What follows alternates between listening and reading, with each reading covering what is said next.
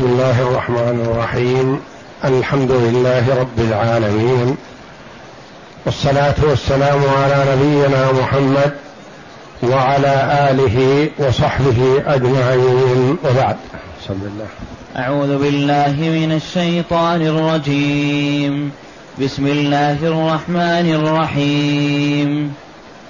ألم تر إلى الذين أوتوا نصيبا من الكتاب يدعون إلى كتاب الله ليحكم بينهم ثم يتولى فريق منهم وهم معرضون. ذلك بأنهم قالوا لن تمسنا النار إلا أياما معدودات وغرهم في دينهم ما كانوا يفترون. فكيف إذا جمعناهم ليوم لا ريب فيه ووفيت كل نفس ما كسبت وهم لا يظلمون.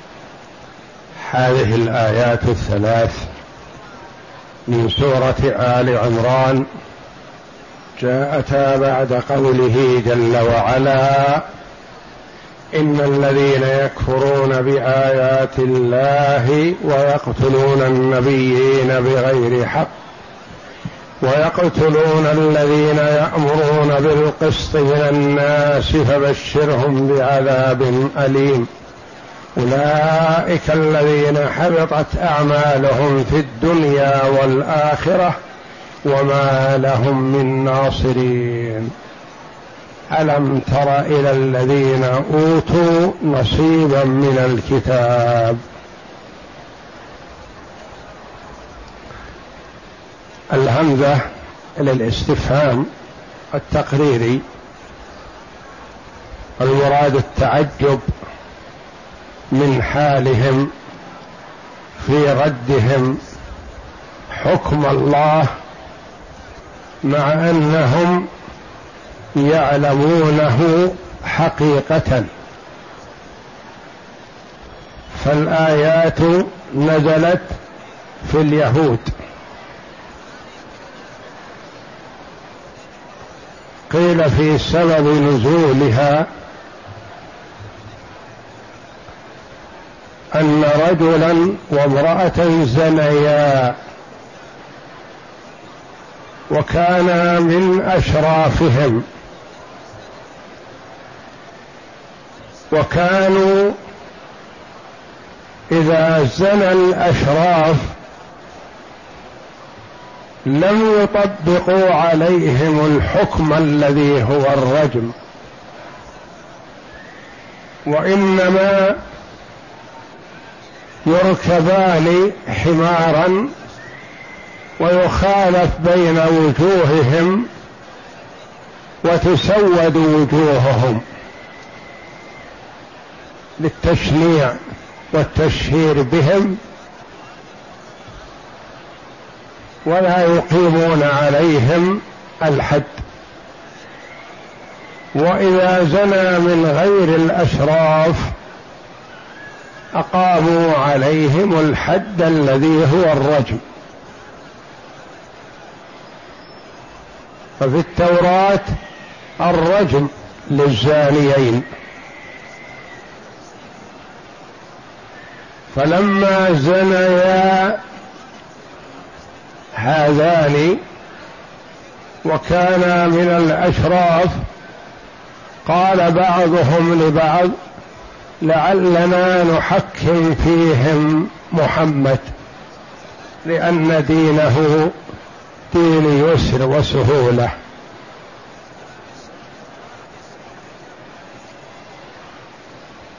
فأتوا إلى النبي صلى الله عليه وسلم وطلبوا منه أن يحكم فيهم.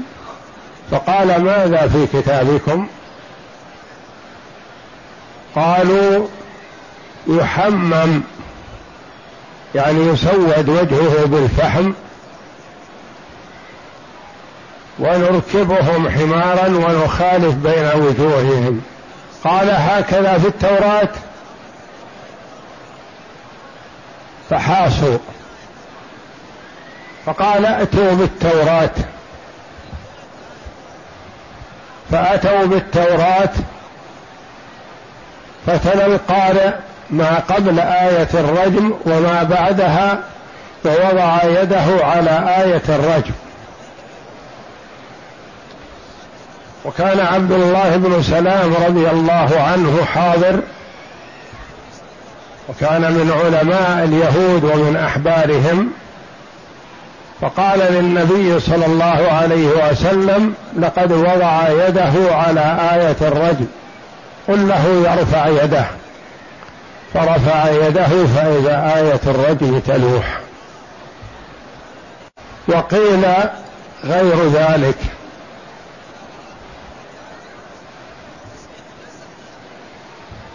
وذلك أن النبي صلى الله عليه وسلم في فتح خيبر قدم له شاة مصلية وقد وضع فيها السم.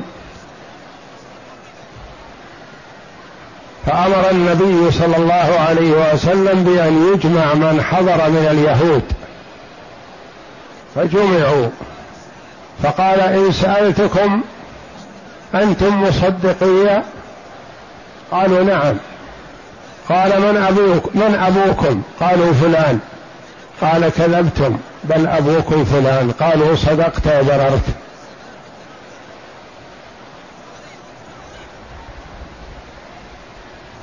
وسألهم عن مكثهم في النار وعن بقائهم في النار فقالوا نبقى فيها أربعين يوما مدة عبادة آبائنا العجل. وقيل قالوا نبقى فيها سبعة أيام ثم تخلفوننا أنتم فيها. فقال النبي صلى الله عليه وسلم كذبتم وخسأتم. أنتم ماكثون في النار أبد الآباد. بكفركم. ثم قال إن سألتكم أنتم مصدقية قالوا نعم. إن كذبناك عرفت ذلك كما عرفت أبانا. وقال هل وضعتم في هذه الشاة السم؟ قالوا نعم. قالوا وما حملكم على ذلك؟ قالوا إن قلنا إن كان كذابا استحانا منه. وإن كان نبيا لم تضره. فأنزل الله جل وعلا ألم تر إلى الذين أوتوا نصيبا من الكتاب؟ نصيب معنى حظ والتنكير للتعظيم والتفخيم. أي أعطوا حظا وافرا من العلم. من عنده التوراة عنده العلم العظيم الوافر لأن التوراة كلام الله جل وعلا. تكلم الله جل وعلا به وأنزلها على موسى على نبينا وعليه أفضل الصلاة والسلام. فهم أعطوا حظا وافرا من العلم. ألم تر إلى الذين أوتوا نصيبا من الكتاب والمراد بالكتاب التوراة؟ يدعون إلى كتاب الله ليحكم بينهم. يدعون إلى كتاب الله الذي هو التوراة. دعاهم النبي صلى الله عليه وسلم إلى التحاكم معهم إلى التوراة. في حق الزانيين أو في حق بعثته صلى الله عليه وسلم وأنه رسول من عند الله وأن ذلك منصوص عليه في التوراة. يدعون إلى كتاب الله ليحكم بينهم. النبي صلى الله عليه وسلم قال يتحاكم وإياكم إلى التوراة. وهي كتاب الله جل وعلا. إلا أنه دخلها ما دخلها من التحريف. ليحكم بينهم ثم يتولى فريق منهم. ما يرضون بالتحاكم إلى كتاب الله وإنما يرجعون إلى كبرائهم وعظمائهم. وعلمائهم الذين بدلوا وغيروا.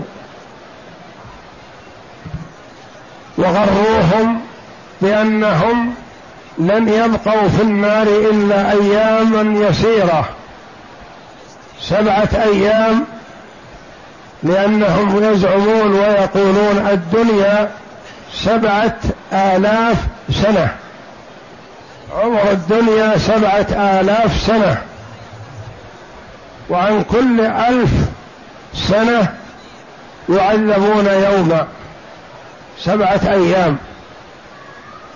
وقيل المراد بالأيام هنا يعذبون فيها أربعين يوما.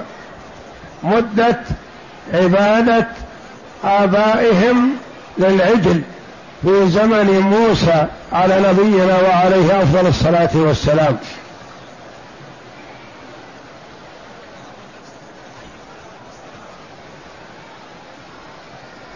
ثم يتولى فريق منهم من علمائهم. ومن كان عنده علم وهم معرضون منصرفون عن كتاب الله لا يقبلونه وهم يعلمون أنه حق. ذلك إعراضهم وكذبهم وافتراءهم بأنهم قالوا قال لهم علماؤهم لعامتهم لن تمسنا النار إلا أياما معدودات. يعني أن مكثنا في النار أيام فقط وأننا نخرج منها وهم يزعمون أنهم يتميزون عن سائر البشر. وعندهم أن اليهود طبقة عالية وقالوا نحن أبناء الله وأحباؤه وكان في عندهم وفي اعتقادهم أن من اعتدى على يهودي فإنه يقتل وإذا اعتدى يهودي على غيره فلا يقتل به ويرون أنهم أرفع من سائر البشر. وأنهم لن يعذبوا بالنار إلا أياما قليلة.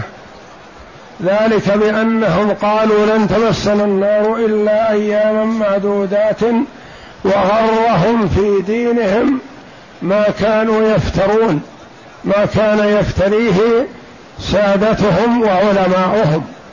يغرونهم ويفترون عليهم الافتراءات ويصدقونهم. فتوعدهم الله جل وعلا بقوله فكيف إذا جمعناهم ليوم لا ريب فيه؟ فكيف كيف؟ اسم استفهام خبر مقدم والمبتدا المؤخر محذوف.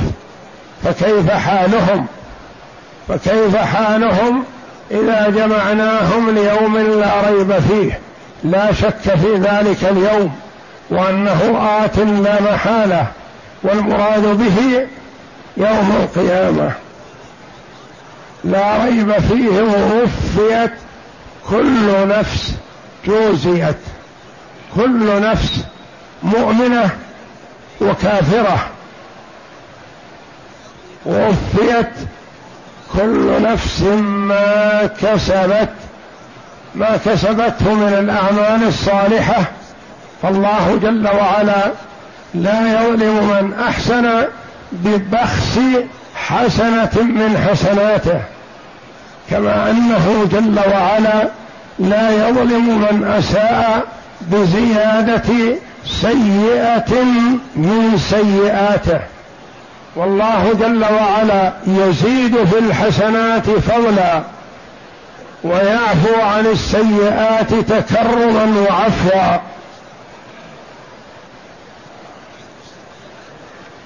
ووفيت كل نفس ما كسبت وهم لا يظلمون. فلا ظلم في ذلك اليوم لأن الحكم هو الله جل وعلا. والله جل وعلا لا يظلم الناس شيئا. ولكن الناس أنفسهم يظلمون. وكما جاء في الحديث القدسي يا عبادي إني حرمت الظلم على نفسي وجعلته بينكم محرما فلا تظالموا. ووفيت كل نفس ما كسبت وهم لا يظلمون. ينكر الله تعالى على اليهود والنصارى المتمسكين فيما يزعمون بكتابيهم اللذين بأيديهم وهما التوراة والإنجيل. إذا دعوا إلى التحاكم إلى ما فيها من طاعة الله فيما أمرهم به فيما فيهما من اتباع محمد صلى الله عليه وسلم تولوا وهم معرضون. وهذا في غاية ما يكون ما يكون في الكثير من المفسرين رحمهم الله يقول هذه الآية في اليهود. وابن كثير رحمه الله درج على أنها في اليهود والنصارى. وابن كثير على القاعدة العبرة بعموم اللفظ لا بخصوص السبب. فأهل الكتاب ألم تر إلى الذين أوتوا نصيبا من الكتاب اليهود والنصارى لكن اليهود أكثر فاليهود فيهم العلماء والنصارى فيهم العباد. ولهذا قال بعض السلف من فسد من علمائنا ففيه شبه من اليهود ومن فسد من عبادنا ففيه شبه من النصارى. واليهود عندهم العلم ولم يعملوا به. والنصارى عبدوا الله على جهل وضلال. وهذا في غاية ما يكون ما يكون من ذمهم والتنويه بذكرهم بالمخالفة والعناد. ثم قال تعالى ذلك بأنهم قالوا لن تمسنا النار إلا أياما معدودة يعني أن توليهم وإعراضهم مع العلم. تنويه وتشهير بخطئهم. وفحش ذلك الخطأ لأنه مع العلم. فالجاهل إذا أخطأ قد يلتمس له العذر. لكن العالم إذا ترك ما عنده من العلم وأخذ بخلاف ذلك عن تعمد فهو لا يعذر.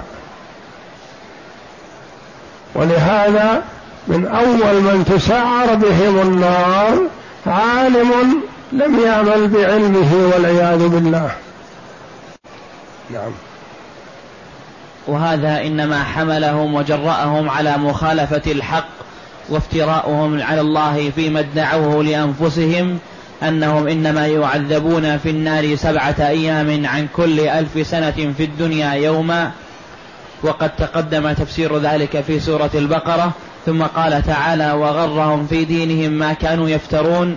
أي ثبتهم على دينهم الباطل ما خدعوا به أنفسهم من أن من زعمهم أن النار لا تمسه لا تمسهم بذنوبهم إلا أياما معدودات.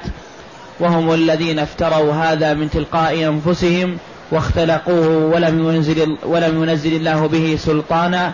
قال الله تعالى متهددا لهم ومتوعدا. فكيف إذا جمعناهم ليوم لا ريب فيه؟ أن يكونوا حالهم وقد افتروا على الله وكذبوا, وكذبوا رسله وقتلوا أنبياءه.